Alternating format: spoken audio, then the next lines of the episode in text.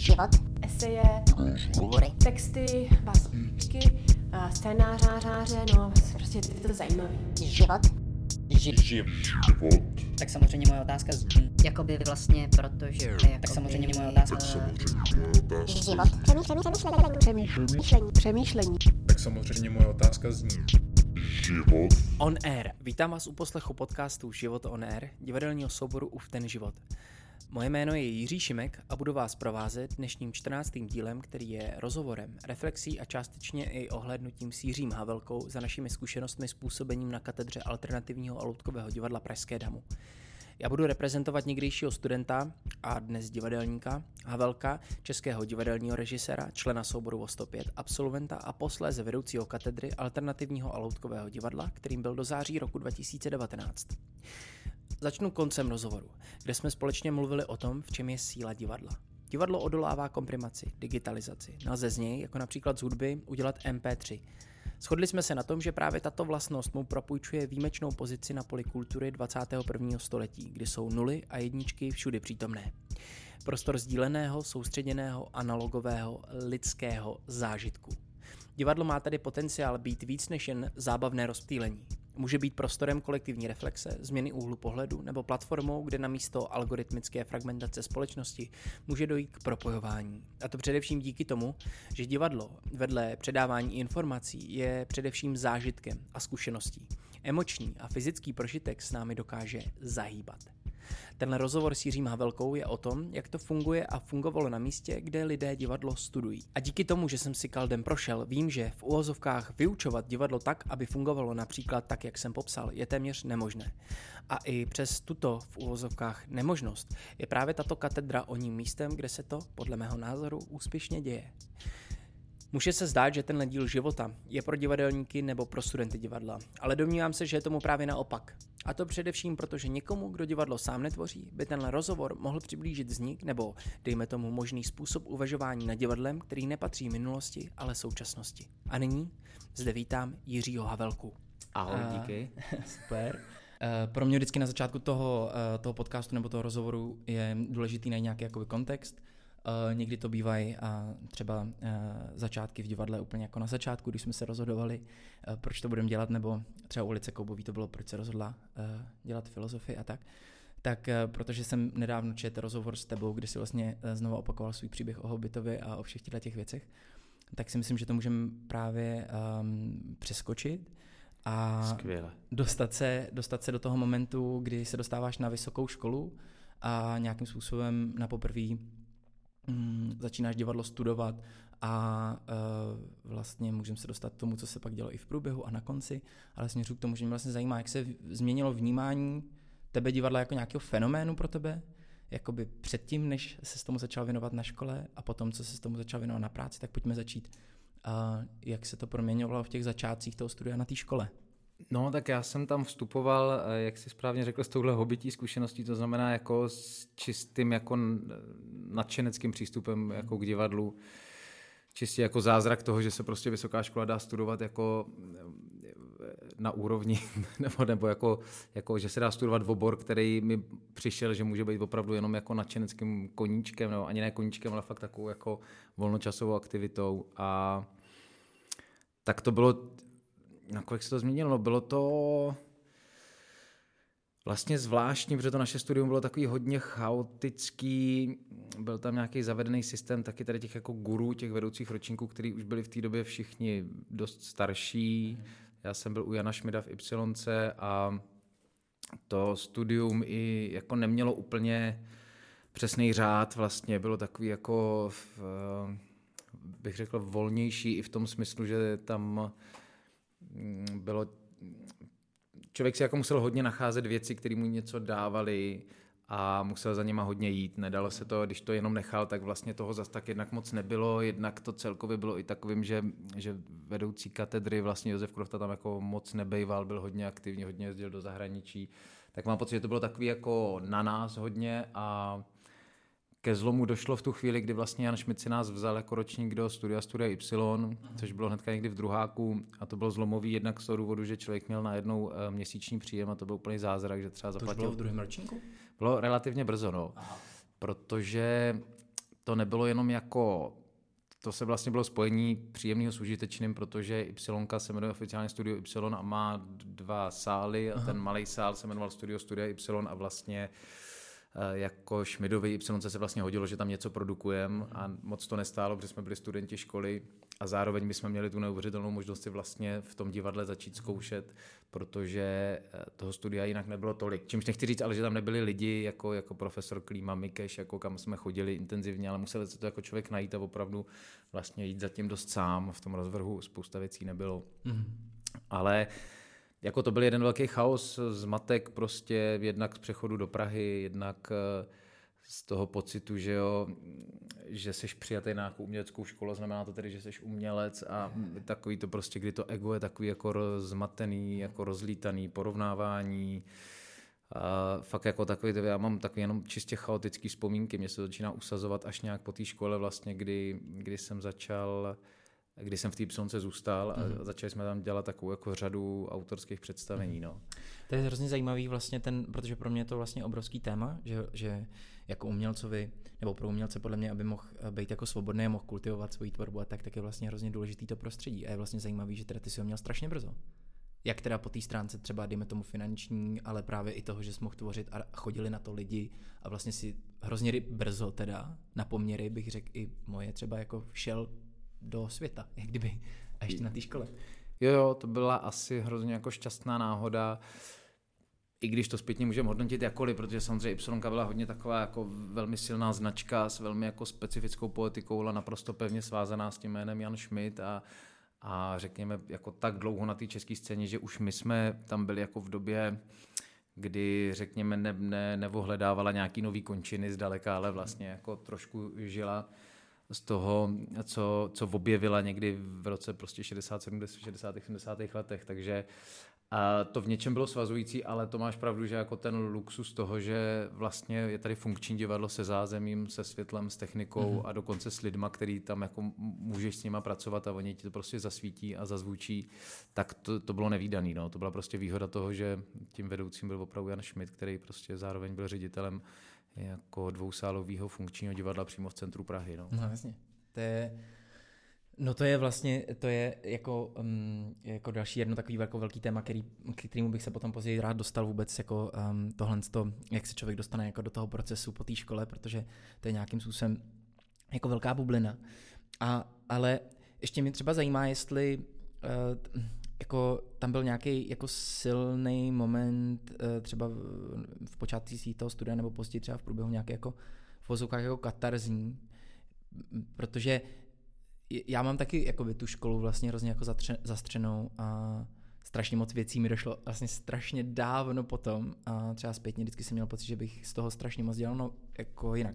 A to je normální, ale vlastně mě to zajímá, jestli tam pro tebe bylo něco takhle jako třeba konkrétního, nebo si můžeš vzpomenout na nějakou věc, která byla jako formativní pro tu budoucnost, nebo se k ní třeba často vracíš?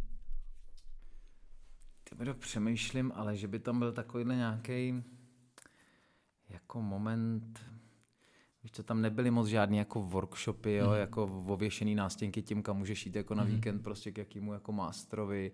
Nebyl disk pořádně dostavený tam mm. uprostřed vlastně. Já jsem zažil takový meziobdobí, kdy se ještě hrálo v celetní a zároveň mm. se začal stavět disk eh, na damu. A nepamatuju si teďka nějaký stěžení moment. Byly pro mě zásadní ty přednášky jako profesora Mikeše, a možná bych si vzpomněl i na nějakou konkrétní hodinu, nějaký konkrétní zadání nebo spíš mluvení o Montaňových esejích jako v, a jeho naprosto vlastně tam byl jako jediný, který neučil divadlo, nebo vůbec se k divadlu moc nevztahoval, nebo samozřejmě, že nějak vztahoval, ale mluvil prostě o nějakém sebepoznávání a o schopnosti jako komunikovat vlastně vnitřní pocity. A jeho zajímala tady od Monténě právě tato jako schopnost zveři, jako pokoušet se sám o sebe, on furt říkal, zveřejňovat jako že dokážeš komunikovat o něčem, co vlastně je bytostně vnitřní, hrozně těžko se to nějak externalizuje a tak mám takovýhle nějaký, teď když se mě nějak ptáš, tak si vzpomenu nějakou prostě přednášku. Ne, ani, on ani nepřednášel, to byl vždycky dialog jako no, s ním. A tak to byla taková sada jako hodně zlomových věcí a, a u něj a jako třeba bych si vzpomněl na nějakou asistenci možná a spíš jako to, to nasávání, že opravdu já jsem jako využíval tu možnost chodit do té Y a byl jsem každý večer na představení, takže jsem viděl prostě večery na přidanou tyhle improvizace 100 tisíckrát a zjistil jsem, že se tam improvizuje málo co a mění se vlastně pořadí, ale nějak jsem byl jako s tím organismem hodně spjatý a strašně mě to jako zajímalo a bavilo prostě, že probíhá zkouška, jde se na bar, večer se tam hraje, tam byl jako hodně a a snažil jsem se nějak nasávat, co šlo a to prostě chtě nechtě mě samozřejmě nějak eh, asi ovlivnilo, ale, ale nemám takovýhle úplně kruciální moment, si hmm. neuvědomuji. A mně vlastně přijde to úplně vlastně logický, že jako kruciální, nebo že jak říkáš kruciální, že to že vlastně nejde najít, protože um, já jsem pocházel z prostředí, kdy jsem nevěděl vůbec nic. Prostě já vždycky jako říkám, že jsem eh, přišel do Prahy ze stoklasní lhoty, jako doslova do písmene. a vlastně vůbec jsem nic neočekával. Tak já jsem si myslel, že jdu na tu školu a že mě tam vlastně někdo jako by to divadlo naučí, nebo mě naučí herectví, nebo uh, mě řekne, jak se to dělá, vlastně mi ukáže to prostředí. Ale čím více ukazovalo, a bylo to pro mě matoucí, že je to mnohem víc jakoby o tom, o tom prostředí a možná o tom, jak se to prostředí nastaví a to, co mi ty lidi a teď mluvím lidi, myslím pedagogy, jak, jak, jakým způsobem to prostředí vytvoří, abych v něm mohl nějakým způsobem existovat. To na mě, takový to na mě dělal dojem vlastně. A nebo takhle jsem to na kaldu cítil. Že se vlastně kdyby nehledají jako žádný mm, návody. A uh, když, protože ty jsi sám byl taky vedoucí jednoho ročníku a vybral si, kolik to bylo, 11 lidí, 12 lidí? No. na začátku zhruba ten. Um, tak eh, jak si nad tím letím uvažoval ty v té své potom pedagogické praxi, když teda skočím, sko, skočíme od studenta k tomu pedagogovi? Tak to, o čem mluvíš, to je vlastně žádoucí, tahle určitá jako nemetodičnost nebo nepředávání jako nástrojů, jak to dělat. A zároveň to je samozřejmě strašně jako frustrující. To myslím, že neexistuje student, i když jako jsou, když přijdeš jako hodně poučený na tu školu už divadlem třeba vodinu, tak samozřejmě jsou, ale já jsem asi dost podobný případ jako ty, že jsem tam šel úplně opravdu s touhletou jako lehkou amatérskou zkušeností a a to, to bylo jenom tohle. Ta škola je prostě jako do prčit, já nic neumím, nikdo mě tady nic neučí, já, já navíc nerozumím věcem, nejsem vzdělaný dostatečně, jako permanentní pocit jako ne, neerudovanosti toho to vůbec dělat a ještě jako na akademický úrovni. A to se mi s tím vedením ročníku úplně zopakovalo, tyhle ty pocity prostě, kdy už jsem mezi tím, ale chvilku, no asi čtyři roky, ale něco jsem jako dělal v Davicích už a tak a vlastně jsem se jako trochu uklidnil, že to, že to dokážu dovíct k představení, tenhle ten jako proces bez textu na začátku a i třeba v profesionálním divadle typu prostě Davidský. A tady s tím vedením ročníku přišlo znova tohleto, teď jako nevím, já sám nevím, jak mám učit, jako já sám nemám načteno, jak mám jako říkat, co, co číst, jo, a to se tam úplně zopakovalo, ale byla to taková doba, kdy prostě chyběla ta generace úplně a a už učili skutři a prostě dostal jsem tu nabídku a ho, jako strašně to člověk zvažuje. Jednak má pocit, že bude vlastně dost závislej na tom, bude tam muset jako docházet a bude tam muset být furt kruce, jako ta, ta zodpovědnost ti přijde obrovská, jako v tu chvíli, jako když ti je prostě 28, 7. No ale jako tenhle ten fakt toho, že jsi s tím prošel a malinko možná tušíš, jako čemu se vyhnout, nebo že to jako trochu formuješ podle toho, co ty si sám nezažil, nebo co tě, s čím se tam potýkal, tak možná byla nějaká částečná výhoda, ale on si to asi říká jako úplně každý pedagog na jakýmkoliv oboru, když prostě nastupuje, že teda začne učit, no. A nemůžu říct, že by se mi to za těch jako eh, zhruba 15 let nebo kolik to, co tam jsem jako v pedagogické pozici, takže by se mi to nějak extrémně vyjasnilo, jo. Mm. A teď zrovna, jak jsem ti říkal, jsme prostě fakt po dvou jako hodně dlouhým od rána do večera vlastně řešením jenom tohohle toho, co to ta škola je, co má poskytnout, co má poskytnout na bakalářský úrovni, na magisterský, proč je tam doktorský studium, co je vztah pedagog, student, co je to, je to jako probraný, každý pedagog na to má jiný samozřejmě názor, je to velmi specifická škola v tom, že každý to taky dělá, zastává nějakou politiku, to znamená má nějaký jiný jako úplně nastavení, jiný parametry na to, co to divadlo je, jako který preferuje a proč, jako jak má divadlo komunikovat a tak, takže je to extrémně jako složitá záležitost, ale uh, i to je asi jeden z důvodů, proč to, že ho furt děláme, nebo proč ty s tím prošel a, a pokračuješ v té činnosti a, a já vlastně taky, no, že tam je nějaká nedodefinovatelnost jako vlastně principiální nastavení toho oboru. No. To je, mm, já nevím, jakože co na tohle to říct vůbec, jo, ale jedna věc, která mi k tomu napadá, a to je to, že vlastně když jako přilínu k nějakému všeobecnému kontextu, nebo třeba k tomu zřízení, v kterém prostě žijeme v nějakém jako kapitalismu, tak třeba takovým fenoménem dost často v poslední době, nebo ne poslední době, prostě tím fenoménem je eh, nějaký téma nějakého produktu, víš? že jako vlastně vytvoříš něco, co mm, má nějaké vlastnosti, ty to můžeš velmi jednoduše prodat, vyděláš za to ty peníze, můžeš pokračovat jako dál. Um, celý, celý to používání toho slovníku přesně jako produkt, content a všechny tyhle ty věci, které s tím souvisejí.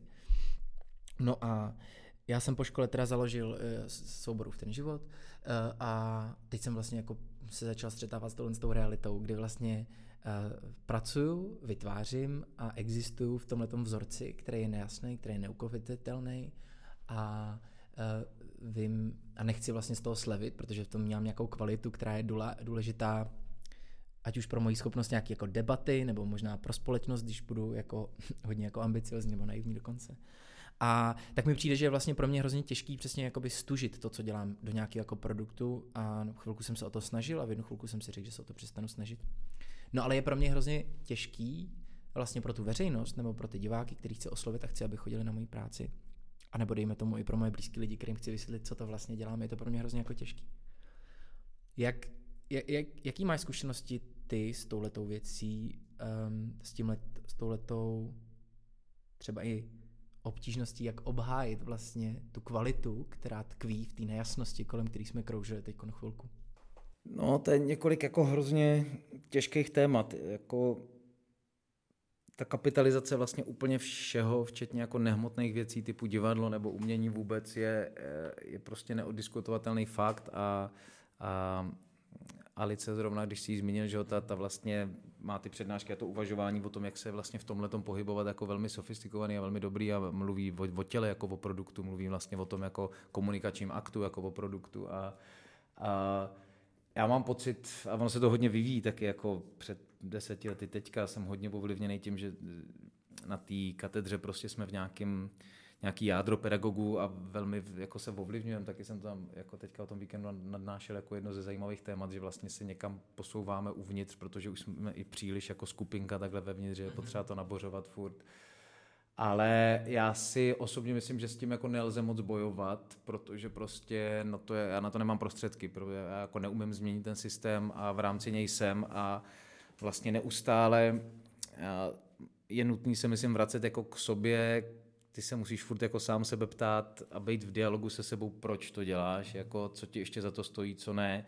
A tyhle ty hranice se taky jako posouvají, protože se posouvá tvoje jako tahle ta alternativnost nebo radikalita nebo něco jako se tím mění s věkem a ty věci jsou jako hrozně živý, ale jako těžký to je, myslím si, že prostě divadlo nemá schopnost ani by nemělo asi mít tu ambici jako změnit to, protože bude součástí toho systému. To, to tady nějak se změní spíš jako ekologickou příčinou, než prostě revolucí jako politicky motivovanou ideologicky. A to jako ta obhajitelnost toho, jak, to s tím svázuješ jako velmi správně, je, je jako druhá věc. No. Zas, no. Mě, k to, mě k tomu napadá jedna věc, protože ale ty jsi zároveň jako, um, jednak teda jako, jako Jiří Havelka, jako umělec, ale zároveň jsi součástí souboru o 105 a ty řeknu hroznou věc, jo, ale oba dva ty subjekty jsou velmi úspěšní. Jako jak divácky, tak bych řekl jako na nějaký umělec, nebo jako v rámci třeba pozornosti, dejme tomu jako mainstreamovějších jako médií. A vlastně tu otázku pokládám i kvůli tomu, protože vlastně mám pocit, že ale ty vlastně jako do velké míry v tom obstáváš v tom prostředí, se mi vlastně zdá. Když tak jako přemýšlím nad tím, Um... Já ho jako nikdy nemám a vlastně nikdy jsem na tuhle tu debatu nepřistoupil a ač mi to stojí hodně sil jako v sobě s tím bojovat a vlastně jako nenutit se k té obhajobě, tak já prostě to takhle nastavený nemám, jakkoliv mainstreamově alternativně, protože mně přijde, že přesně ten kapitalismus tohle to vlastně chce, on chce jako rozstřiďovat, vyhraňovat se, vylučovat se, být ve vzájemné soutěži neustále a neustále dokazovat, jako, co si zaslouží víc z toho jako medvěda. Takže já vlastně to vůbec jako nechci v sobě dát na rovinu, jako čím se živím a co mám rád a co dělám pro to a vlastně pluju v nějakém toku a i ta úspěšnost, o které mluvíš, je jako naprosto nehmatatelná, je, je to jako veličina, která jako nic nedělá. Samozřejmě prakticky, jo, že se s tím líp zhání nějaký nabídky a to, ale že bych kvůli tomu jakkoliv ovlivnil to, co dělám, proč to dělám, tak do toho bodu se vlastně dostat nechci. Jo. Mm-hmm. A myslím si, že to začíná a je to hodně těžký, jako vlastně zrovna tenhle ten názor jako mm, sdílet a někdy i zveřejňovat jako tady na, na úrovni, řekněme, myšlení katedry alternativního loutkového divadla. Jo. Ale mm-hmm. prostě tady není důvod se vymezovat, jako prostě, já když přistoupím, že toto je mainstream, tak to je to určitě jako strašně moc věcí, nevím, teď se o nich můžeme bavit, ale když na to přistoupíš, tak jako ty vlastně dopředu před těma dveřma děláš nějakou volbu, jako jestli tohle budu dělat nebo tohle budu dělat. Ne, já jako dělám něco ze sebe, co potřebuji dělat a, a když se mi nabídne toto divadlo, který mi zavolá a říká, pojďte k nám něco dělat a já říkám, dobrý, mě tady zajímá hodně tohleto, no to je úplně skvělý, pojďte to udělat k nám. Tak já, i když si chci dát prostě rok pauzu, tak tam půjdu okamžitě a budu to prostě dělat. Jo. Protože ono, ono totiž v té logice jako nejde, nej, nebo je, já jsem si to třeba předtím myslel, jo, ale čím dál tím víc mi dochází, že nejde jako ve skutečnosti tvořit mainstream jakože si myslím, že i tvůrce, který se třeba, který považujeme za mainstream ve skutečnosti, ale tu logiku v hlavě vůbec nedokážou mít. No ani tam nemají, že jo, to, je, to jsou ty jako nálepky hmm. toho produktu, protože Jasně. ty to prostě potřebuješ opravdu rozstředit. Ten kapitalismus je ze soutěže. Aha. Sice ze spravedlivý, aspoň to říká, ale prostě, prostě ze soutěže, jo. A soutěž jenom ve chvíli, kdy máš prostě dva soutěžící subjekty minimálně, no.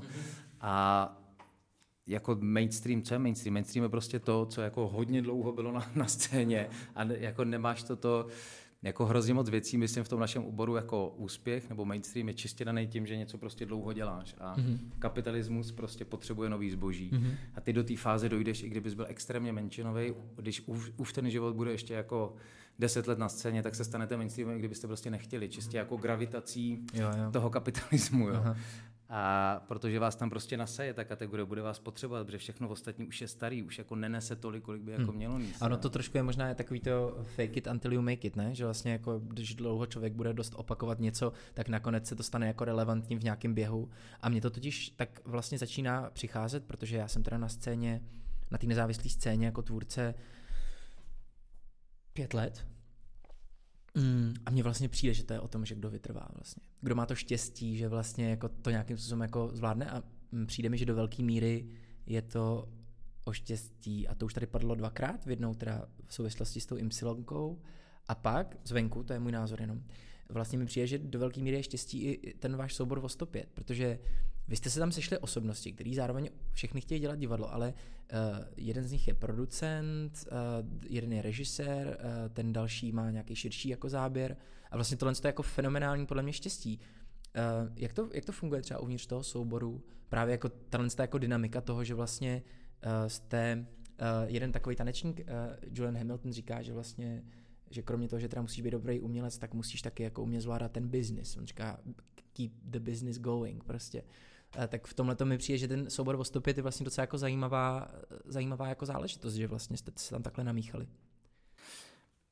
Asi jo, já nejsem zakladatel, to byli prostě Kašpar Prokop Cihlář na uh, gymnáziu nad Alejí a my jsme se potkali na Damu a já jsem zakládal televizi Očko a řekl jsem jim, jestli by nechtěli tam se mnou zkusit takový improvizace na kameru, eh, že to je podle mě smrt, protože prostě se nedá improvizovat jako televizně, ale jako dávno před partičkama, tak jako ať si to jdeme zkusit. A vlastně to nás spojilo a jako bez pochyby máš pravdu, že to, to namíchání, to kdyby tam nebyl Petr Prokop úplně jmenovitě, tak eh, nevím, jestli ta skupina ještě je, jestli má za sebou velký inscenace typu Pérák, Dechovka, eh, SV, který byli jako fakt produkčně hodně nároční, protože oslovili lidi z nezávislé scény, který sladit, dát dohromady, zařídit, aby to bylo v Baráčinský rychtě, tak jakože to, co já bych nikdy nebyl schopen jako dotahovat, tak ano, prostě tady v tom se to jako stalo, Zároveň já bych asi ty náměty někde dřív nebo později uplatnil někde v divadle, ale jako v té Vostopět se vlastně se tak jako přirozeně našli ty, který spěli tady k tomu trochu eh, k nutnosti jako nějakého komunitního vzniku. A, a jo, jako taky často si uvědomuji, jak jako neuvěřitelný štěstí to je, že, že, že jsme se nějak dali dohromady, ač ten jako život, už ten život má prostě svoje velké těžkosti vevnitř a, a taky si to prochází jako sinusoidama, kdy vlastně hledat a obhajovat trošku ten smysl, proč to ještě děláme, je pořád těžší, protože prostě už je to jako dlouho. A i v tom je to dobrý, protože jak jsme se nějak rozstřelili zhruba před pěti lety, tak vlastně se ty impulzy nosí z hodně odlišných částí. Mám pocit, že se jako, tak jako uklidnila nějaká jako vnitřní ambice úplně toho souboru a teď je to fakt jako hledání nějakých podstatných věcí pro všechny. A tím, že prostě Ondřej už dělá něco hodně jiného, Tomina je v, v Davicích, Petr má politické ambice, tak eh, ty vstupy jsou jako z daleko širších nedivadelních sfér a sám jsem jako zvědavý, co, co se z toho stane, protože jako určitě si procházíme nějakou krizi toho, že víme, že už nemůžeme jako si říct, že o prázdninách se sejdeme v týdně a uděláme další představení, jo, že tady ta doba je prostě pryč. ale ještě říkal jednu věc, já jsem na ně chtěl počkej reagovat, že, že říkáš to, to štěstí hodně, ale a já bych tam čeče, myslím, že ten, kdo dlouho vydrží, jak ty říkáš, že vlastně je to hodně o tom prostě mít tu určitou jako až osobní disciplínu nebo kázeň v tom, že prostě vlastně to chci dělat, jo, a opravdu si myslím, že jo, a potom, potom jako dosáhneš něčeho, jako bez pochyby si prostě musíš najít ten výsek, který je jako určitá jedinečnost toho, proč na té scéně existuješ. Ale že to jenom není jako výdrž nebo nějaká, nějaká skautská prostě dám to, ale že to je aspoň z mých zkušenosti i ty studenti, kteří mají tu tendenci, a ty jsi toho důkazem se Sárou, že eh, jako musí něco níst v sobě, musí mít jako velkou potřebu komunikovat nějaký téma svoje. Jo. A to, to úplně o štěstí není, to je prostě o nějaký jako výdrži, o nějakém jako plamenu, který buď byl zažehnut na škole, nebo už tam byl a té škole se podařilo ho neudusit naopak, ale rozhodně jako ten, ten, ten, když vyhasne, tak se potom může z toho stát produkt a budeš přemýšlet, jako, co budeš dělat jinýho, ale vlastně dokud ho máš, tak myslím, že, že jako vytrváš, i kdyby se to jmenovalo mainstream, nezávislá scéna nebo alternativní divadlo. Jo. jo. A asi na tom určitě jako něco bude, protože samozřejmě eh, tím, že už je to teda zhruba, nevím, těch pět let od té školy, tak třeba i pozoruješ, jako kam vlastně gravitují ty osudy těch různých lidí, kteří tam s tebou byli a měli jste podobný start a ty vlastně jako by člověk pak vlastně pozoruje, uh, jestli u toho někdo vlastně zůstává, nebo jestli někdo třeba spíš hodně mluvil o tom, že to chce dělat, ale realita je jiná a tak dále. Takže to je určitě, to máš jako pravdu, no, že, že tam ještě musí být něco, možná, možná bys to dalo nějak vyskoumat a pojmenovat, ale asi je to zbytečný. Přišlo mi zajímavé to, když jsem mluvil o tom, že to ta škola neudusí, to je podle mě úplně naprosto jako zásadní, jako, jako dynamiku nebo to. Ale já jsem hrozně rád, že jsi zmínil toho Petra Prokopa a že jsi vlastně jako zmínil to, že kdyby nebylo jeho, tak spoustu věcí nevznikne. Protože pro mě to taky obrovský téma. Já jsem na škole měl pocit, že to je o umění, že to je o herectví, že to je prostě o tvorbě jako divadla a neměl jsem pra, pra žádný respekt k organizaci. Vlastně mi jakoby přišlo, že prostě je to jenom jakoby o tom umění a vlastně to, co jsem říkal, ten keep the business going, to pro mě vůbec nebylo důležitý. No a když jsem vstoupil do té uh, do tý, uh, nezávislé scény, začal jsem tvořit sám, tak vlastně uh, ta moje to množství té energie a toho nadšení bylo tak obrovský, že jsem prostě všechny překážky, které byly přede mnou, prostě srážel jako kombine prostě. No ale o pět let později mi prostě došla jako energie vlastně a dopad jsem na, nebo jako přišla nějaká první krize. A tehdy mi začalo docházet, jak ten někdo, kdo vlastně to pomáhá s tou organizací a vlastně vytváří ten environment pro ten třeba dobrý nápad, nebo pro tu dobrou režii, nebo pro to dobré herectví, je vlastně strašně důležitý. A jeden z můj plánů je pozvat třeba, eh, já vždycky, já se spletu to jméno, tyhle, to je trapný už, eh, měří... Evu Měřičkou. No. Že to je třeba pro mě taková jako zajímavá osobnost, kterou já hrozně chci pozvat, protože vždycky se mluví o Krobotovi, ale nikdy se nemluví o té paní ředitelce, která byla prostě alfa omegou na začátku pro mě. No určitě, ale myslím, že jako má svoje kredity, že je hodně zvaná jako na diskuze právě kvůli tomu, jako hmm. co to jo, znamená jo, jo. držet jako tohleto tak divadlo. Konec konců tak já jsem se o ní dozvěděl, dozvěděl že jo, jo, taky no. jsem jí viděl někde mluvit. Ale jenom jsem to chtěl říct, jakože vlastně třeba i v tom, mm, že, a tak ono je to asi přirozený, že prostě lidi zajímají ty lidi, kteří jsou vidět nebo jsou v té první linii, jako ne ty, kteří jsou jako vzadu, ale já vlastně mám jako, jako tendenci ten kredit těmhle těm lidem vlastně přikládat čím dál tím víc a vlastně um, zpětně viděno třeba mi přijde, že to, to pro mě třeba, třeba na škole bylo tak jako zvláštní, jako ten nevztah mezi produ, katedrou produkce a náma těma jako, jakoby umělcema prostě, který tam jako tvořili. Uh, jak jako vlastně se třeba, můžeme se vrátit do té školy, jak nejsme tak rozkročený. Jak jsi jakoby vnímal tuhle jako dynamiku mezi třeba tou katedrou té produkce nebo produkcí těch věcí a té samotné tvorby? Jako? Tak eh, já jsem asi prošel dost podobným vývojem, o kterém mluví, že, že jakýkoliv prostě organizační věci, a to především jako tabulky, eh, grafy, výpočty, prostě eh, platy pedagogů a to bylo něco, co jsem věděl, že jako nemůžu dělat a proto je úplně nesmysl, abych vedl tu katedru, protože to vypadalo, že to je podstatná součást toho. Nicméně se ukázalo, že se dá jako všechno zařídit, že prostě se dá najít, jako že Jitka Nohová zvládne tohle, Michal Somoš, že se neuvěřitelně osvědčil, ač to byl tehdy úplně střelba jako na, na, na slepo, tak po půl roce jsem byl úplně jako nadšený a, a zjistí, že jako, jak to říct, že kreativní potenciál je vlastně v jakýkoliv činnosti úplně, jo, a že často to jsou alibi, které se hledáme a vymlouváme se na ně prostě, nebo hledáme nějaký věci, co je na tom jako špatně, ale ono se to dá vždycky nějak zorganizovat a neznamená to, že jsi jako neumělec. Jo.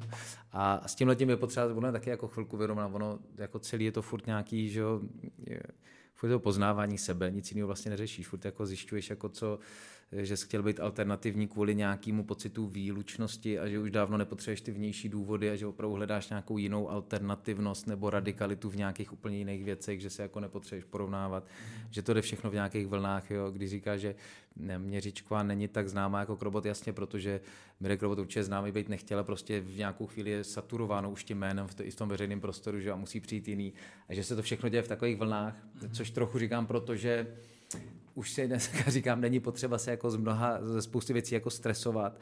A když si třeba vzpomínám na ten začátek té školy, co jsem všechno chtěl jako hrozně rychle změnit, tak byl jako, to, to byla totálně jako utopie. Jo. Ale mm-hmm.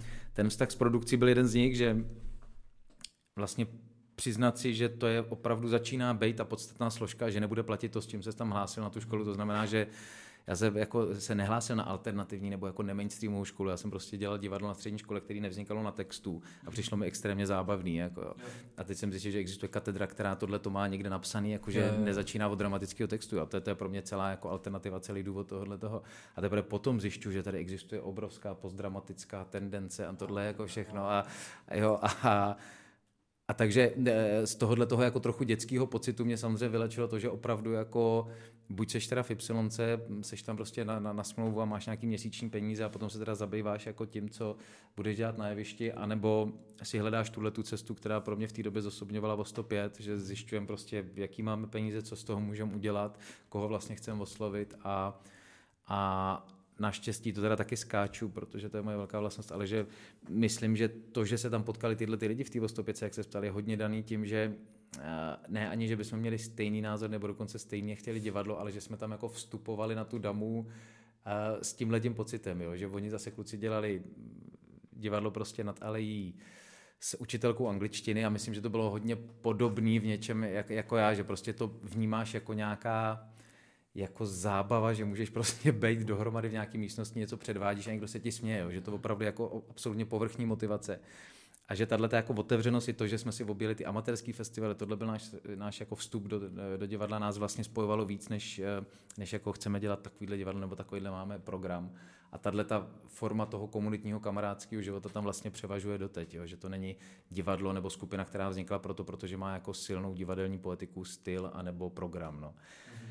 A dostávám se konečně teda obloukem k tomu, na co se ptá, že, že já jsem tam vlastně měl tři věci, které si pamatuju, že pro mě byly podstatné, když jsem vstupoval. Jedno bylo udělat eh, setkávání té katedry prostě krz obory a krz to a vytvoření toho procesu, že prostě nefungovaly klauzury, já jsem necítil zpětnou vazbu při studiu dostatečnou od všech pedagogů, od kterých by mě zajímalo, neměli čas, neděli se ve stejnou dobu a to se dalo udělat vlastně hned, to bylo jako strašně jednoduché řešení, protože se nemuselo nic akreditovat a schvalovat. Druhý bylo to, že se musí... Promiň, no. uh, tohle je hrozně zajímavá, tohle je hrozně zajímavá věc. Eh, ten, uh, jenom, jenom jakoby, když si řekl, že se to nemuselo akreditovat, schvalovat a tak, um, ty když chceš jako něco změnit, tak jestli mi můžeš trošku pomoct jako uh, Jo, jo, jo, no jasně, že... ten, no jasně, máš prostě, máš jsi zřizovaný ministerstvem školství a je tady zároveň vysokoškolský zákon a ty máš jako omezené možnosti toho, co chceš změnit, aniž bys požádal nejen děkanát, nejen rektorát, ale vlastně v těch stěženích věcech především ministerstvo, a to znamená reakreditoval nějaký obor, dneska už se to jmenuje program. Mezi tím nový vysokoškolský zákon, zjednodušení koncepce, dokonce nastavení institucionální akreditace, kterou jsme jako první vysoká škola získali a daleko snaží ten proces teďka měnění. Ale a pak máš možnost prostě v rámci toho, co je akreditovaný a na tom v té autonomii té katedry si vlastně měnit věci bez toho, že změníš nějaký labely, nějaký prostě nálepky nahoře, tak si jako ten vnitřek prostě rám hřiště zůstane stejný, ale ty si můžeš dozměnit jako to pískoviště vlastně. A tohle bylo přesně z těch věcí, že jsem zjistil, že jsou věci, které se dají udělat hned a to je, to je třeba ten proces, to bylo vytvoření nějakých předmětů, blížší spolupráce s katedrou produkce, ideálně na tom procesu, což se začalo dít, nešlo to hned, ale že prváci vlastně dělají ten proces a tím pádem se stanou součástí katedry, tím pádem si je najdou jako studenti na klauzury a celý se to nějak začne propojovat. Přičemž to vlastně byla jediná katedra, se kterou se nám podařila ta užší spolupráce. Ještě potom z KTK taky krz proces vlastně v nějakých těch momentech, ale a to je jiná debata. A třetí věc byla, byla prostě, eh, bylo jako propojení těch oborů v bakaláři, co, co vlastně, jako v čem, definovat si, v čem se liší, nebo proč ta katedra má existovat, co je teda vlastně jiný oproti všem těm katedrám a, a, co teda my vlastně můžeme poskytnout, co my vyučujeme. No. A to díky tomuhle tomu nějakým uvažování se tam vlastně v jednu chvíli a taky velmi snadno jako obměnil hodně ten pedagogický kolektiv a přišli prostě ty moji vrstevníci a pak jako i ještě mladší lidi velmi rychle, takže tam, tam došlo k tomu obratu prostě Petra, Jirka, Dámek, všichni mm-hmm. jako uh, k takovému jako razantnímu, razantnímu, raz, razantním obměně. No. Mm-hmm. Či já odpověděl no, jsem ti vlastně, pro mě, nevím. Já jsem tě, já jsem tě, promiň, já jsem tě totiž zavedl od toho procesu, že, vlastně to, že jsi jako trošku začal mluvit o těch věcech, které si chtěl rychle změnit. A říkal si, že byly asi tři, jeden z nich byl ten proces, právě třeba kvůli tomu vztahu s tou produkcí. Jo, no. jo. No a to se vlastně povedlo. Ale nicméně jako nepovedlo se, ale to zase, o tom bychom se hrozně dlouho, co tam vlastně nevyšlo i z tvýho pohledu, ale asi zrovna tato jako příprava na to, že v obstoji v těch podmínkách, který teďka vyžaduje ta nezávislá scéna, to se asi úplně nepodařilo. Je to teďka do budoucna hodně náplní toho magisterského by mělo být. Denisa Václavová tam povede jakýsi produkční seminář, ale vlastně takovým, takovým jako širším kontextu, nejen jako nauč se vykazovat, že stojí za to tě zaplatit, ale a vlastně v takovém jako vnitřním kurátorství, jako svý tvorby a vůbec to, jak se chceš uplatnit. Ono, další věc je, že ty podmínky se třeba od mýho studia jako tak strašně změnily, jako jakým způsobem se žádá. Moje působení na té scéně, jako taky, to je no. prostě hrozně dynamické, nebo není to dynamický, ale jako mění se to hodně. Mění se to hrozně moc a jako kdyby se určitě zeptal prostě, já nevím, formanů nebo jednotky, jako Halky Třešňákový, Kintery, eh, lidí, kteří prostě v 90. letech v Žižky začali tvořit tu, tu nezávislou scénu, tak tady nebylo opravdu vůbec nic, že, jo? že jako tady ani nebyl mechanismus, jako kam žádat nebo kam jít na ministerstvo nebo nedej bože na magistrát. Jo? Takže a, tohle se hrozně posunulo a sledovat ten vývoj je hodně zajímavý. Petr Prokop se v tom taky hodně angažuje, že ho založil asociaci nezávislých divadel a někdy, někdy tak jako probíráme nebo mi ukazuje nějaký grafy a vlastně jako ten, ten, ten růst nezávislých souborů je, byl třeba před 6 lety exponenciální, to bylo obrovský a vlastně nejdřív se přizpůsoboval ten grantový systém na to, pak díky tomu, že se to vlastně v jednu chvíli nenastavilo úplně špatně, vzniklo obrovské množství těch a teďka už se to vzájemně zase jako je v nějaký kolizi a zase to nestačí a zase to potřebuje nějaký posun, no, určitě. Tam je, tam je totiž jako otázka, já vlastně nad tím jako přemýšlím, m, mm, protože uh, jakoby to, že uh, dospělý život, když to řeknu tak jako hloupě, je těžký. no, proto se jmenujete už ten život. tak, přesně. že dospělý život jako je těžký a na tom se prostě nikdy nic nezmění a nikdy to nebude ideální a nikdy to nebude jednoduše. A já vlastně přemýšlím nad tím, jestli vůbec jako role vysoké školy, jako umělecké vysoké školy, je vlastně uh, učit lidi uh, existovat jakoby v tom prostředí. Tak takhle, asi je dobrý jako být realistický a nějak to jako reflektovat, nebo přinejmenším třeba uh, tu existen, nebo tu, tu funkčnost té katedry třeba té realitě trošku jako nějak přiblížit, nebo nevím. Ale Otázka je, jestli to vůbec jako má nějaký smysl. Je, jestli, to vlastně, jestli vlastně se ta škola nemá zaměřovat jenom na to umění, jakoby, i když jsme se předtím bavili o tom, že umění může být let co. Ale kladeš úplně zásadní otázky, které mě provázejí prostě posledních 20 let. Jaké je smysl? Ani ne vysoké školy, o tom tolik pochybností nemám, ale vysoký umělecký školy je opravdu jako hodně těžký vytyčit ty důvody. A tady to jako pětiletý, šestiletý úsilí o ten jiný magisterský program mi v tom hodně pomohlo, protože se jí nabrali lidi jako, jako Alice, který eh, do toho vnáší jako hodně zajímavý postřehy a vlastně mi i dávají nějaký takový terminologický aparát, jak se s tím vypořádávat. A jediný, k čemu jsem došel zatím, je brát ten čas, který máš s těma studentama jako obrovský luxus. Brát jako obrovský luxus to, že žijeme v systému, ač kapitalistickém, který tohle umožňuje a prostě je bezplatný školství. A využít ten luxus jako co nejlíp. Jo. A pro mě z toho teď, nebo teď jsem ve fázi, hodně se mi to měnilo samozřejmě v průběhu toho vedení, ale teďka ty lehký úlevy z toho, že už nejsem vedoucí katedry, že je dobrý využít všechny ty stupně toho studia. Ono prostě opravdu nabízí bakalářský, magisterský a doktorský. A mhm. vyprofilovat ty tři programy velmi specificky s tím, že umožňuješ mezi nima vlastně přestupy, protože tahle republika má vysokých škol neuvěřitelné množství a magisterských akreditovaných programů neuvěřitelné množství. A umožnit prostě uh, těm studentům případně jako přejít tak to mi pomohlo a teďka zažíváme takový jako velký, skoro mi to připomíná ten začátek, když jsme tam přišel, když jsme tam zůstávali furt do půlnoci a řešili, jako co vlastně chceme učit, co umíme učit, co v tomhle jako věku můžeme těm studentům předat, co to znamená vlastně učit a přesně jako ta strašná kolonka ve všech těch akreditacích, která se jmenuje profil absolventa, kterou prostě vyplňuješ každý rok nějakým PTDP akademickým jako a opakuješ věty, prostě, že má být všestraný a kreativní tak jako si opravdu říct jako do důsledku, co, co to teda je. Jo. A teď padají neustále příklady vás, absolventů, který se chytli a, a co teda bylo správně u nich a co bylo špatně tady u těch. A vlastně tím, že jsi svázaný s těma lidma, protože to je vždycky nějaký hodně osobní vztah, tak vidíš, jako jak prožívají ty krize po té škole, kdo se jak chytá, kdo jak, jaký vytváří kolektivy. A myslím, že to je zrovna ta katedra zase v nějakém takovém jako uzlovém bodě, kdy se snaží teďka vytvořit tady ty tři programy tak, aby poskytli jako maximum možného. No. Mm-hmm. Um, ono to, jako přesně to využití toho času je vlastně hrozně moc jako důležitý a myslím si, že teď, když o tom takhle jakoby mluvíš, tak si myslím, že uh, je, je, je vlastně, nebo to musí být trošku asi bych řekl z mého pohledu úkol toho pedagoga, um, pokusit se ty studenty přivést k tomu, aby ten čas jako využili, nebo aby, aby, aby se využil, ale já musím říct, že když se jako já si na to re, reálně vzpomenu prostě, já byl Jiříkově vidění. Já jsem vůbec nechápal, co se kolem mě děje. Prostě to bylo jakoby tak překotný, tak jako nesmyslný, že um, já ani vlastně nevím, jako co mě drželo co mě drželo při sobě vlastně, jo? Že, že, že je vlastně hrozně zajímavé jako přesně tohle jako pojmenovat, že uh, takhle, kdybych, kdybych na tu školu šel dneska, tak si přesně dovedu představit, jakým způsobem využívám ten potenciál toho soustředění. Ale jako tehdy na tom začátku, teď mě bylo 19 let, když jste mě přijeli na tu školu. A vlastně přemýšlím nad tím, to je... Já jako, já mám pocit, že když vlastně se o tom takhle bavíme, tak se vlastně snažíte, snažíme asi všichni, eh, myslím jako studenti, a to jako o nemožný vlastně, jo? že, že, že teď, teď mi to tak dochází. Jako, no jasně. Tak... Na, na papíře je to jasný, co by to mělo být, dejme tomu, ale a jako ještě, ta realita. Ještě ta strašnost, že to do toho papíru musíš dát, do těch tabulek A, B, C, D, E a vy, mm-hmm. vymyslet prostě slova, které obsáhnou přibližně to, co chceš vlastně dělat. A zároveň moc nevíš, co chceš dělat, protože prostě ses nepřihlásil na vysokou školu ekonomickou, která má prvák, druhák i třetíák jako absolutně jasný.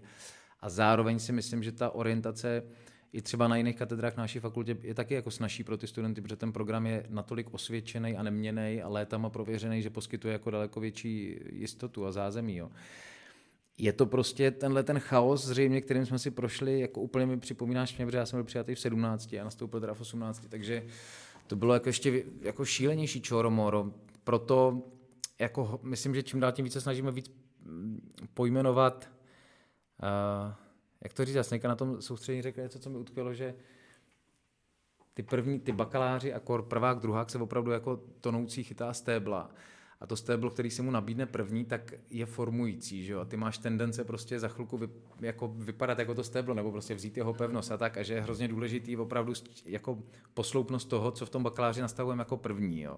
A snažíme se přesně zdefinovat jako i třeba jako až jako takovýma metaforickýma věcma, jako že první semestr je yoga nebo dech nebo něco, víš, a je to ještě před tou hrou a přítomností, kterou jsme tam dávali vždycky a řešili, kdo má mít workshop, kdo dokáže jako nejmíň tvořit ego, kdo nemá prostě úplně pevnou poetiku, aby nepředával něco, co sám dělá, ten by měl přijít později, ideálně až v magistru, kdy už je ten student víc partnerem a má názor a dokáže být prostě, dokáže být v nějakým kleši prostě v opravdu partnerským, kdežto v tom bakaláři jsme si trošku nalhávali to partnerství, myslím, ke kterému úplně dojít nemůže, jo. By vše, by vše teda na začátku sami vlastně po studenti hodně zmatený, no. A jako jsou to hrozně citlivé věci, ale asi jako teď už můžu říct, když už jsem tam těch ročníků viděl tolik a když jsem zažil tolik těch stížností tak strašně podobných v prváku, v druháku, v třetíku, bez ohledu na to, kdo to vede a co, co to je vlastně za studenty a odkud jsou, že si troufám říct, že to je nějaké jako jako téměř organická nutnost nebo evoluční danost jako ty katedry. A kdo vlastně projde v nějak obstojí v tomhletom chaosu, tak si nese možná nějakou tu jako živost v sobě, kterou potom využíváš při té tvorbě, no ale jsou to takové samozřejmě slova, které do, do tabulky nedáš. No. Hmm. Mně ještě teď napadlo, že já jsem měl takový zážitek, um, byli jsme pozvaní do prostoru hmota komunikace, jenom pro, pro film, to je jeden takový předmět, takový otevřený seminář, kam chodí různí hosti, nemusí vůbec být od divadla. Uh, my jsme tam teda mluvili o tom, jaká je ta naše realita v tý, jako při té tvorbě tam venku, jak kdyby. A uh, já jsem tam právě v jednu chvilku jako se tak jako rozpovídal až jako tak melodramaticky o tom, jak vlastně jsem měl jako obrovský krize na té škole a, a, a, a deprese a, a vlastně pro mě bylo těžké se zvednout z postele, dojít do té školy a něco jako dělat. A vím, že tam byl prostě jeden, jeden uh, student, který byl ve druháku vlastně a tak se na mě tak jako koukal v jednu chvilku a pak jsem, a možná už to jako přeháním, ale mám pocit, že kdy mu skoro ukápla slza v vozovkách, a pak za mnou přišel po tom semináři a vlastně jako říkal, že hrozně děkuje za to, že jsem to řekl, že vlastně najednou mu udělalo hrozně dobře, že ví, že jakoby uh, to někdo taky měl těžký na té škole, že on není špatně vlastně. Protože já mám pocit, že ty osobnosti, které se scházejí na té škole, eh, jsou v něčem jako exaltovaný, je to jako extrémní, to ego je dost často velký a a mám pocit, že vždycky, když potom přijdu do té školy, nebo jsem vždycky přišel do té školy, tak tam se vždycky tvářili všichni dost jako suverénně, nebo prostě vlastně se snažili jako obstát, jako dokázat, že na to mají, prostě prokázat svůj status. Dělal jsem to i já samozřejmě, navzdory třeba mým jako skutečným pocitům a tak dále. Mm. Všechno tohle to říkám kvůli tomu, protože uh, pojmenovali jsme ten začátek, pojmenovali jsme to, že ty lidi tam jdou mladí, že přichází ze stoklasných lhot a, a vlastně um, jako jak ty jsi se vypořádával s tím, že do určitý míry máš zodpovědnost za tyhle ty mladý lidi, který tam kolem tebe jsou. Jak, jak jsi jako zpracovával ty osobně vlastně um, tuhle to bych řekl jako velkou, velkou jako podle mě je to strašně tenký let a, a může se jednoduše stát, že uděláš něco, co nebude mít prostě jako dobrý konsekvence pro toho člověka, nebo, nebo, nebo naopak. V obě dvě věci jsou možné. No musí se o to odstřihnout, protože by se zbláznil. Jako ne, nemůžeš přejímat zodpovědnost úplně za ty studenty, hmm. ale to, že to bylo jako pro mě jedno velký psycho, jsou přijímačky, protože prostě nespím potom x nocí, protože bych to nejradši změnil, protože si říká, že jsi to neodhad správně, že si zadal blbý úkol, že tady komise jako tlačila moc, že jako neodhaluješ to stejný máš při státnicích, to stejný máš tady při přijímačkách do magistra, to stejný máš kdykoliv tam chceš něco změnit a máš pocit, že vlastně pohledy studentů i pedagogů vyjadřují jako uh, přesný opak, ale jako pokud podle mě jako ne, nejsi schopen odstupu od sebe a prostě říct, toto je moje rozhodnutí a za ně já nesu odpovědnost, tak by se vlastně nemohl dělat. A já, já jako myslím, že na to vlastně nemám ideální vlastnosti, protože prostě jsem jako extrémně pochybovačný člověk a, a někdo, do, kdo dokáže líp formulovat rozhodnutí a stát si za něma líp, tak je to podle mě úlevnější a některým kolegům to závidím. Zároveň vím, že to je v něčem výhoda, protože jako určitá moje schopnost prostě empatie je díky tomu širší a, a dokážu nějak eh, prostě řešit věci jako jinýma než nějakýma radikálníma, radikálníma eh, střihama. Jo. Takže mm. když mluvíš tady o tom, že, že si vlastně zveřejnil obrovskou jako nejistotu až frustraci a mířící třeba jako opravdu k osobní depresi nebo nějaký krizi velký osobnostní, tak eh, já mám pocit, že nic jiného neříkám nebo nic jiného neučím. Já jako sdílím tenhle pocit jak z učení, tak z toho zkoušení a, a když, jestli můžu říct, že učím divadlo, tak to rozhodně nedělám, ale sdílím jako krize, kterýma procházíš při zkoušení v tomto souboru, v tomto a v tomto a na institucionální úrovni a ve Vostopěce a jaký jako jiný krize to jsou a nic jiného vlastně nemůžeš jako poskytnout. Takže já to furt beru zase jako obrovský luxus, že existuje škola, kde já můžu obstát ne tím, že přijdu a odpřednáším prostě dokumentární divadlo, ale tím, že jako sdílím, sdílím jako zkušenosti, ale víceméně říkám sdílím krize, jo? nic jiného se, se neděje. Ale zároveň to asi není nikdy dost, jenom když tě poslouchám, tak si uvědomuji furt znova, taky o tom mluvíme na těch našich jako setkáních, že ty pedagogové i ty studenti tady ty kateře jsou opravdu jako chycený ve stejné pasti, jako víš, jako s, s, opravdu ty pochyby toho, co jste řekl, jak si komu ublížil a kdo se na tebe tváří na chodbě takhle a tak, co asi mají studenti, tak určitě přijde tomu pedagogickému kolektivu taky a naopak si říká, jako tenhle ročník je úplně jako spjatý proti tomuhle. A v tomhle tom mě to jako, mě to, mě to prostředí prostě vlastně přijde jako dokonalý, jo, nebo že, a teď nemyslím tím, že vychovává dobrý lidi, dobrý lidi že, že ty lidi jdou snadno do praxe, ale že je to jako nějaký zázrak, takový jako skutečně jako ostrov svobody tady v tomhle systému, který má krytí, může existovat, jako dokonce jsou placený, když ne dobře ty lidi a zároveň je tady nějaká, no, jako funguje to, prostě postupuje to, jako evidentně to jako nezaniklo a asi nezanikne, naopak se to rozšiřuje, jako víš, jako noví lidi o to mají zájem, jako přitahuje to zajímavý lidi. A, takže jako i když jako rozumím tě úplně, no, jako jo, je to jako jeden velký chaos a nejistota a, a neustálý předělávání a změny a hledání prostě vlastně ideálního řešení, který je nedostižný a i když si to furt říkáme a definujeme, že nechceme to ideální řešení, tak stejně člověk podvědomě touží po nějakém jako pevném podkladu. No.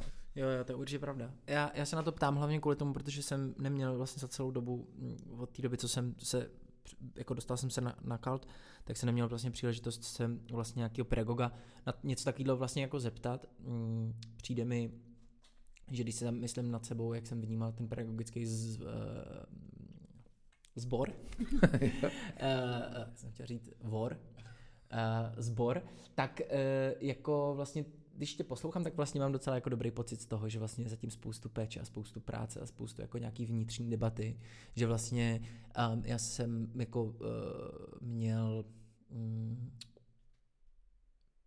do určitý míry jsem se musel vlastně jako upnout třeba k osobnosti toho mýho vedoucího pedagoga Petry Tejnerový, uh, že vlastně jsem měl jako pocit, že on je ten, ten ostrov ta, ta pevnost, jako, kolem který já se vlastně točím a, a nějaká jako nespochybnitelnost názoru toho člověka v určitou chvilku jako musela nějak probíhat a uh, vlastně jsem jako rád, že, že tam probíhá jako třeba tolik práce a, a vlastně to jako rád poslouchám a jsem rád, nebo že jsem rád, že jsi vlastně říkal, že jsou všichni jako na stejné lodi.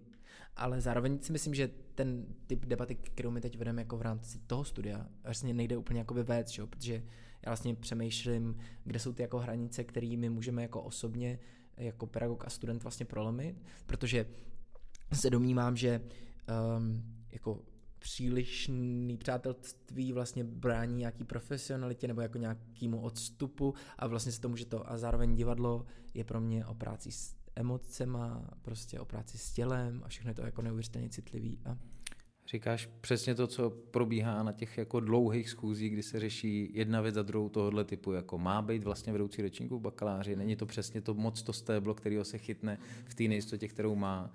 Nutno říct, že ještě obor herectví ještě někde jinde, protože nese sebou eh, tady to jako nejistotu vlastně, protože není opřený o technologii nebo o řemeslo, který je lehce definovatelný a je definovatelný jako složitějc a nikdo ho pořádně definovat neumí. A takže se do nekonečna bude řešit, co to vlastně řeč, pohyb a a zpěv jako je a jestli to je opravdu řemeslo, čímž já si myslím, že ne, že řemeslo je prostě jako jevišní existence bez zábran, jako mhm. herecká jo, a, a jaký ale učit a má přijít v prváku a má to být ten jeden vedoucí, není lepší, že tam je univerzální systém, ty se teda potkáš se všema, vyzkoušelo se to i to, neslo to zvláštní výsledky, problém vysoké školy, ty, ty následky vidíš za tři, čtyři roky jako a nemůžeš jako vlastně reagovat vůbec okamžitě, jo. magisterský program má strašných těžkostí, strašně to, ale jestli to vlastně byl krok správným směrem, se ukáže tak v roce 2024, jo.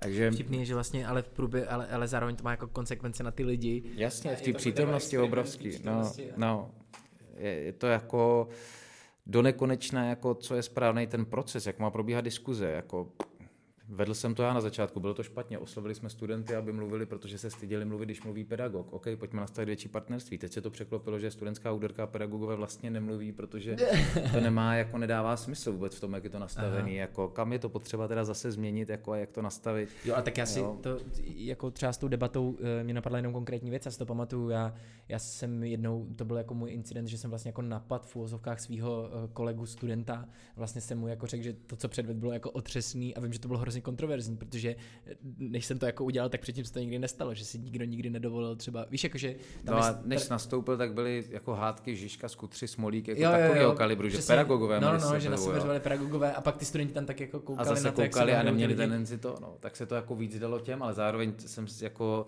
vždycky bylo to jako frustrující, strašně náročný období, ty, ty, ty, ty debaty pro mě jako psychicky přežít a zároveň jsem měl pocit, že jsme u toho mozku té katedry, jako, že tady se to jako může srazit a že jestli si řekneme, že to budeme řešit jenom na obhajobách za zavřenými dveřmi po oboru, tak to nechci, protože to je to, kdy pedagog reflektuje to, ale musí existovat platforma, kde jsou jako na stejné úrovni a kdokoliv, i když ho neznám toho studenta a dokonce i když jsem tu klauzuru neviděl, tak můžu říct, ač jsem to neviděl, myslím si toto, protože vás poslouchám. Jo. Ale jak to vlastně jak to, jak to kultivovat, jak to jako kurátorovat, jaký víc tu debatu. Nekonečný problém, který nebude mít nikdy dobrý řešení, ale vždycky bude dobrý, že se o to pokouší. A má to svoje oběti v přítomnosti, každá ta změna, ale oběti říkám v úvozovkách, protože myslím, že jako vstupem na tu školu vlastně dáváš souhlas, že jsi dospělý člověk a prostě přijímáš zodpovědnost za to, že jdeš do nějakého uh, rizika. No.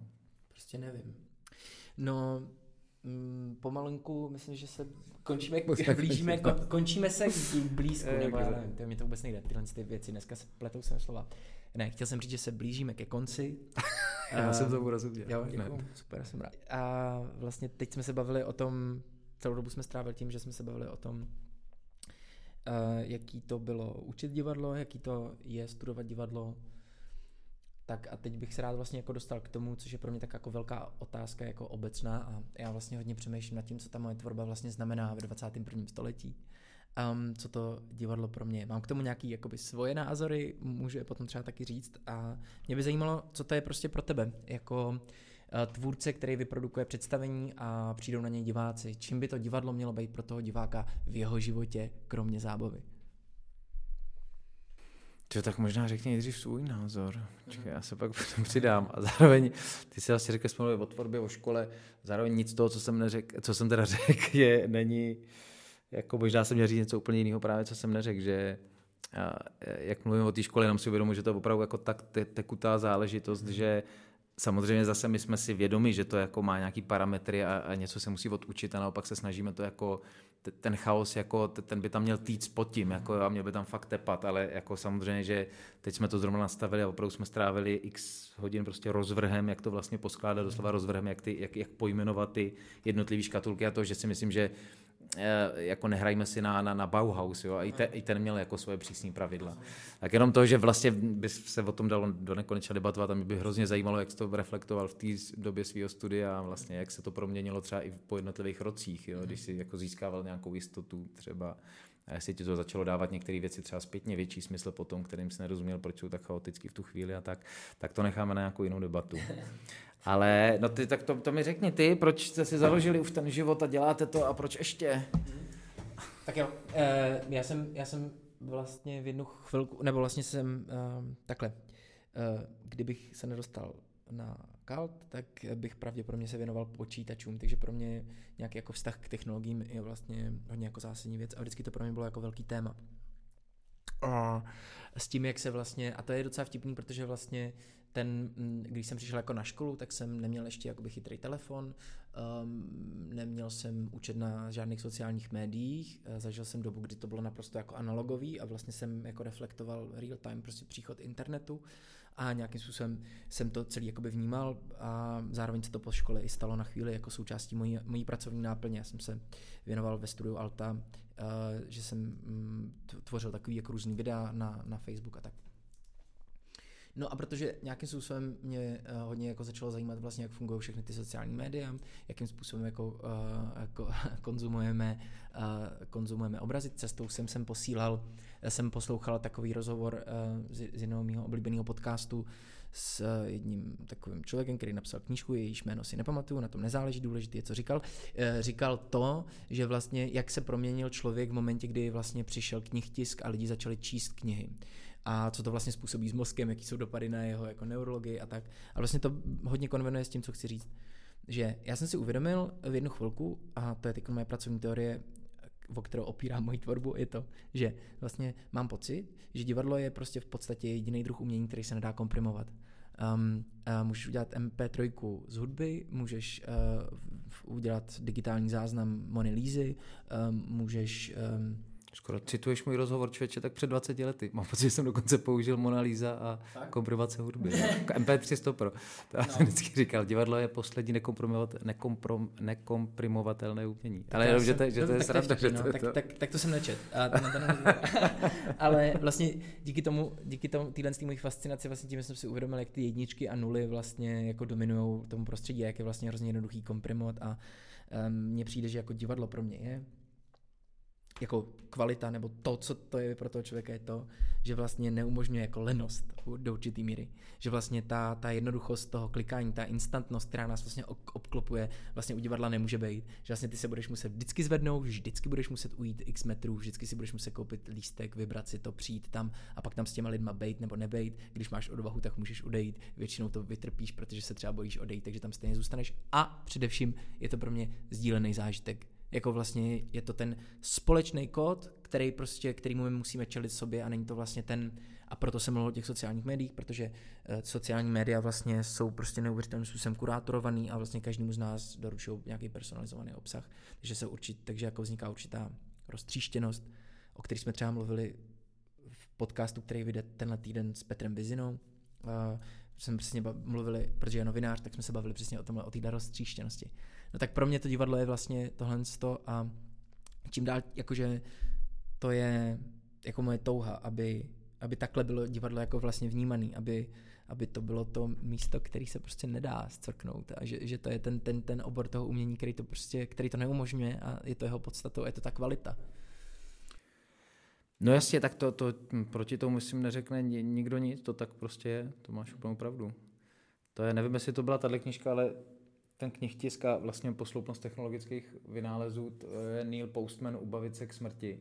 Vede, končí to u televize a je to skvělý, no, protože asi víc ještě než knihtisk si pamatuju Telegraf, že co znamenalo to, že když chci předat zprávu, tak to neznamená, že vyšlu člověka, který něco předá, ale zruším tu vzdálenost. Mm-hmm. A jako neděje se nic jiného s tím internetem, než že se to zrychlilo o další jako světelný prostě míle a, a ten vliv na, na celý uspořádání člověka na jeho komunikaci je zásadní. No, jako já ti to úplně, úplně prostě potvrdím tohleto a, a aniž bych chtěl prostě vypadat moudřejší nebo starší, ale samozřejmě jako tohleto jsem hodně furt opakoval těch posledních 15 let, že to je jako poslední živý, kde potřebuješ jako setkání a který není komprimovatelný. Já jsem to pravděpodobně třeba slyšel od tebe, pak jsem zapomněl, že jsi to říkal ty a pak ne, jsem si to udělal můj názor. jako víš, to jako, ne, že, víš co, to, to, nevím, to říkal Brook, to říkal Artot, to říkal jako no. Stanislavský, vlastně všichni, kdo to asi někde, kdy se kdy snažili reformovat divadlo, tak vždycky jenom jako vůči jeho skamenělosti, vůči jeho jako vlastně zproduktivění, vůči tomu, že to je produkt a přestal to být prostě komunikační akt, takže to není, že opakuješ mě, protože akorát se tehdy nepoužívaly komprimace, ale Brook prostě říká, jako mluví o živosti, že dělí divadlo na živý a mrtvý. Každý má jako jinou terminologii a mě zrovna, mě zrovna ta nekomprimovatelnost přijde extrémně jako dobrá, protože pojmenovává opravdu jako ontologickou podstatu toho divadla jako moderno, současným jazykem. Ale asi to pro mě dneska ještě je, ale je to s tím samozřejmě svázaný, protože divadlo, ať chceš nebo ne, tak to, že není komprimovatelný, vede k tomu, že to prostě musí dělat lidi s lidma, nejen to, že přijde živý člověk a zvedne zadek a musí fakt tomu ten čas obětovat a tu pozornost obětovat, nemůže si to pošoupnout a pro, pro, projet jenom tři obrázky z minutového videa, ale prostě musí tam být to trvání, že jo.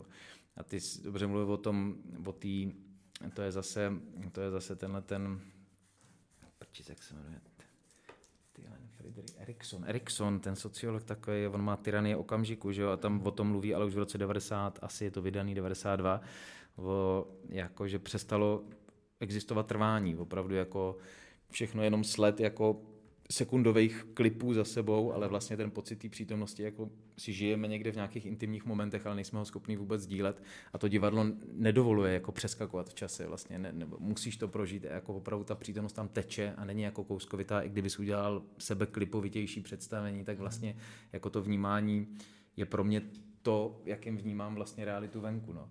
A a to se chci dostat k tomu, že, že vlastně to, co pro mě dneska tam ještě nabývá možná na tímhle, je ten sociální akt jako divadla, že, mm-hmm. že tohle je vlastně divadlo. My jsme si museli sejít, jako, muselo to pro mě jako být těžký se tady zorganizovat pro tebe, přinést, ale jako obětovali jsme to tomu, teďka tady sedíme a vlastně mluvíme spolu, ať se to nahrává, bude to mít ještě nějaký jiný dopad. A to nejen v tom setkání a možná ještě víc v tom, v tom zkušebním procesu, jo, že čím jsem starší, tak tím méně jako mě to zajímá po to, kdy se to dodělá a, a píše se o tom, kde se to hraje, ale vlastně zjišťuju čím dál tím víc, že pro mě jako je tak obrovský těšení a jako existenciální nutnost jít na zkoušku a strávit tam ty čtyři hodiny, kdy já jsem v tomhle jako luxusu toho trvání času s dalšíma lidma a, a fakt jsem se to jako vybral a ne, ne, nepíšu knížky a prostě nemalu obrazy, ale jako moje povolání je trávit s lidma čas. Takže eh, k tomu se nějak upínám čím dál tím víc. Mm. Že ať je to jako jakýkoliv žánr, ať je to cokoliv, i když je to to loutkový divadlo, ty prostě máš nějaký garantovaný čas, kdy jdete jako na zkušebnu a to znamená, že tam jste a, a jste tam dohromady. No. A mě ta komunikace, která vzniká tam, začíná zajímat i, ne, ne snad víc, jako ta, ta, ta jevištně taky, ale cítím, že uh, jak to říct, že, že někdy se stane, že ty moje věci mají smysl v tom, nebo aj, už se mi ani nechce říkat ty věci, protože fakt jako vím už dneska jako naprosto jistě, a není to fráze, že to vzniká z toho společného bytí na té zkoušce, že tam jako není, že mluvím o autorském divadle, kde není režisér, ale děláme to kolektivně a tam fakt dochází k něčemu, co my objevíme tam, vyskoumáme to a přišli jsme na metodu, jak to potom dát zažít těm lidem. A když se tohle to povede, tak je jedno trochu, jaký je téma, když je téma, tak je to vlastně blbý, protože to už zužuje jako mentální fokus těch lidí, ale že někdy dojde prostě k nějakému okamžiku lidské komunikace a párkrát se mi to podařilo zažít v tom hledišti, který vím, že je nepřenosný a nemůže ho fakt udělat žádný jiný médium. Jo. A nikdy jako nepohneš těma lidma jinak než tady tím. No. Ale nebylo by to bez toho, že si uvědomuješ tu strašnou důležitost toho zkoušení a objevil jsi to tam. A není to jako téma, který přišel, není to racionalizace nějakého dobrého momentu ze zkoušky, ale je to nějaký hluboký jako eh, vnitřní lidský limit, na který jsi narazil smíchem, studem, trapností, nějakým jako to, co se tam prostě stalo na té zkoušce a zazdílili jste to proto, protože je tam prostě hodně lidí pohromadě a jsou spolu a nedělají v tu chvíli nic jiného. Mm. Jo.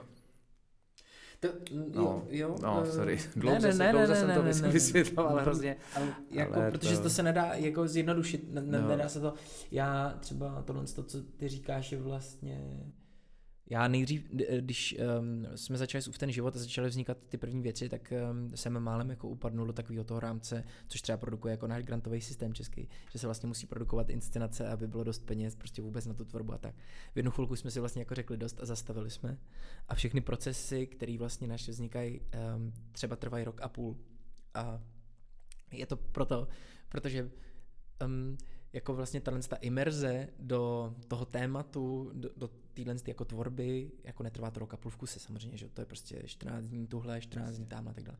Já, a pro mě je to vlastně strašně důležitý, jako v tom existovat strašně dlouho a um, vlastně um, jako neuspěchat to, že to je tak složitý proces. Pro mě je vlastně strašně důležitý uh, to, to jako dělat dlouho. Pak se dost často ukáže, že to dělám příliš dlouho, pak to celý schně a je to na vyhození, ale to je jako další téma. Ale vlastně mi tohle to přijde důležitý a, a, a v, to, v tuhle chvilku si myslím, že to je nějaká cesta pro mě, jako dělat toho málo. I třeba, že to znamená, že, že se tím pak třeba nemůžu tolik živit a tak, což není tak důležitý. Jo, uh, tak já děkuju, že jsi to pokusil taky jako zachytit a doplnil si to, co jsem přidal já. Um, já bych byl ještě jako rád, mám jenom takový přání, který chci jako vyslat do vesmíru, že vlastně bych byl rád, kdyby uh, se ve veřejném prostoru, a to je další velký téma, jak funguje česká divadelní kritika a vůbec jako uvažování ve veřejném prostoru o divadle, ale byl bych hrozně rád, kdyby se ve veřejném prostoru o divadle víc mluvilo třeba tímhle tím způsobem. Mám pocit, že je to to. A proč myslím si... Skepsy no. jenom ti jako samozřejmě potvrdím, jo, a, a byly, bylo v období, kdy mi to opravdu jako zžíralo vlastně nějaký jako diskurs o divadle a ještě jak jsem do toho nastoupil nepolíbený, tak pro mě to, to je obrovský nepochopení vlastně toho dělení na, na činohru a alternativu do dneska, jo, a to převažující prostě psaní o divadle je pro mě až bylo až traumatizující, ale myslím si, že to je přesně jeden úkol pro tu katedru, pro tu školu v, minimálně v magisterském, možná v doktorském uh, programu, že neodcházejí lidi, kteří hledají jako svoje uplatnění na scéně, ale opravdu ta katedra jako vytváří tu scénu, nebo spolu vytváří s tím vším a vlastně mění ten diskurs. Jo. A tohle to se evidentně nedaří dostatečně. A je potřeba tam něco změnit a možná... Ale to je, to... jako musím říct, že zrovna teda na tohle, na co si narazili, je pro mě uh, tím, že já jsem se sám začal angažovat v rámci té scény, jako jsem součástí pracovní skupin třeba na magistrátu a tak. Um, já jsem si myslel, že vlastně jako tím, že jsem se tam začal potkávat s těma dalšíma lidma, s radní třeštíkou a tak dále, že se vrátím zpátky mezi ty moje kolegy a vlastně jim jako řeknu, hele, tady jsou tyhle ty příležitosti, můžeme prostě komunikovat s těma politikama, bude to takhle. Myslel jsem si, že vlastně dojde k tomu, aha, to jde, eh, jdeme všichni na to, ale jako ukazuje se, že to tak není. A tohle to podle mě, co si teď pojmenoval, že vlastně se snažíte tvořit tu scénu a ty lidi, kteří do ní budou vstupovat, budou její součástí a nebudou jenom jako divadelní tvůrci, myslím si, že to je strašně důležitý a já to poslední dobou třeba nazývám jako občanstvím. Jako občan znamená to, že se prostě angažuješ v tom jako veřejném životě a vlastně se snažíš o něj zajímat. A jako ukazuje se, že i když jsem třeba měl na jedné představě o tom, že třeba ta umělecká komunita mm, vlastně v těchto těch věcech by na to mohla být třeba líp než zbytek té společnosti, tak se z mého zkušenosti současně ukazuje, že to vůbec není pravda. Že to je naprosto stejný.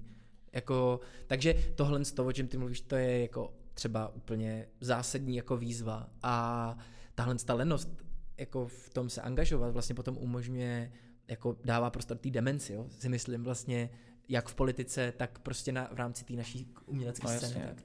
A já vím i ty důvody, proč jako se do toho lidem nechce, protože vidím na sobě a na kolezích jako pedag- ostatních pedagozích, protože to je vstup někam, kde ty, ty, ty si chceš dělat svoje, prostě Aha. chceš mít jako rychlý kontakt s divákem, s tím a, a tohle znamená přesně vstup do institucí, vstup jako do kritických platform, vytváření asi redigování vlastní jako literatury, kterou produkuješ a to je jako strašně moc práce, strašně moc jako nepříjemných, diskomfortních podle mě setkání a, a tak, ale jako v tuhle chvíli taky nevidím vlastně jinou možnost, protože těch pár pokusů, co proběhlo, o kterých jsme, eh, určitě Marta o nich třeba tady taky mluvila, že jo, tak eh, neudělali nic, mám pocit, že ten dopad je nulový a ta, skutečně jako se to změnilo jako minimálně za, za, za dobu Jo no. Tady nějak, a to je i jako třeba mimochodem, když jsi zmínil Martu, tak třeba iniciativa Národního divadla, kdy Národní divadlo pro mě začalo splňovat konečně jeden z jeho velkých jako úkolů, který prostě nedělalo nikdy, je ten cyklus Kultura je národ, že? Kdy oni vlastně začali debatovat jak o té scéně, prostě tak jako přesně o tom, co se znamená divadlo pro společnost a tak. A pozornost jako našich kolegů k tomu projektu jako je minimální, jo? že si vlastně jako uvědomuji, že jako eh, já jsem v momentě, kdy to vypustili a viděl jsem ten první díl, tak jsem říkal, this is it, jako to je ta věc, prostě teď, prostě ta umělecká scéna, ta komunita to musí začít jako prostě reflektovat, ale viděl jsem, že to nikoho nezajímá. A Což je daný zase jako tou přehlceností, která je prostě šílená a jestli ta karanténa že něco přinesla, tak tohle to jako to obrovské obnažení jako nadprodukce a těch koleček, ve kterých běháme a to nejen jako nás, ale vás a dokonce těch studentů a to dokonce i studentů na bakaláři, že to jako vedlo taky k velkým osobnostním krizím, protože se prostě maličko poprvé naťukla malá prasklinka nad tím šíleným jako rychlo kolotočem. No a, a je, je tisíckrát reflektovaný a to, ale on vlastně, ono se pak těžko odlišuje, jestli to nikoho nezajímá ty diskuze, anebo jestli fakt na to jako není kapacita. Já myslím, že na to jako hodně není kapacita, okay. protože ty, ty diskuze se děly, jo. já jsem tam byl sám přítomný xkrát ve foaje prostě na diskuzi, co to znamená národní, ve slovíčku národní divadlo. A ten zájem byl taky minimální, no. Možná, že ta víra v ty technologie, že jako to přinesou více lidem už je taky vyčerpaná, už i tahle ta kapacita je prostě zaplněná, no. A to nevím, dobře. No jasně, a další věc je to, že, že taky jsme byli svědky jako obrovský vlastně experimentu té digitalizace toho divadla. Myslím si, že z toho se třeba spousta jako věcí taky můžeme naučit. Mimochodem. Ukázal, no podle mě se ukázalo to, co si co jsme říkali, sformoval ve slovíčku nekomprimovatelnost. Dobře, tak já myslím, že tohle je konec. Eh, Děkuji za ten rozhovor a mm, třeba ještě se k tomu můžeme někdy vrátit a bavit se třeba konkrétně. Já jsem vždycky jako hodně rozšafný ve všem. Tak jo, jo, to bude skvělý, to poslechnout a pak si třeba vybrat nějakou jo. věc a tu rozebrat hloubky. Díky taky. Díky.